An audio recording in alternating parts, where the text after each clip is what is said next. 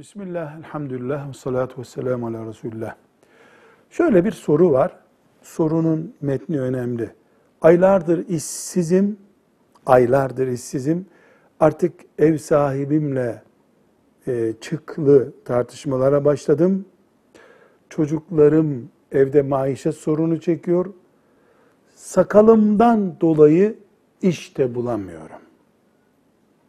Sakallarımı kesip bir işe girebilir miyim? Cevap. Gerçekten.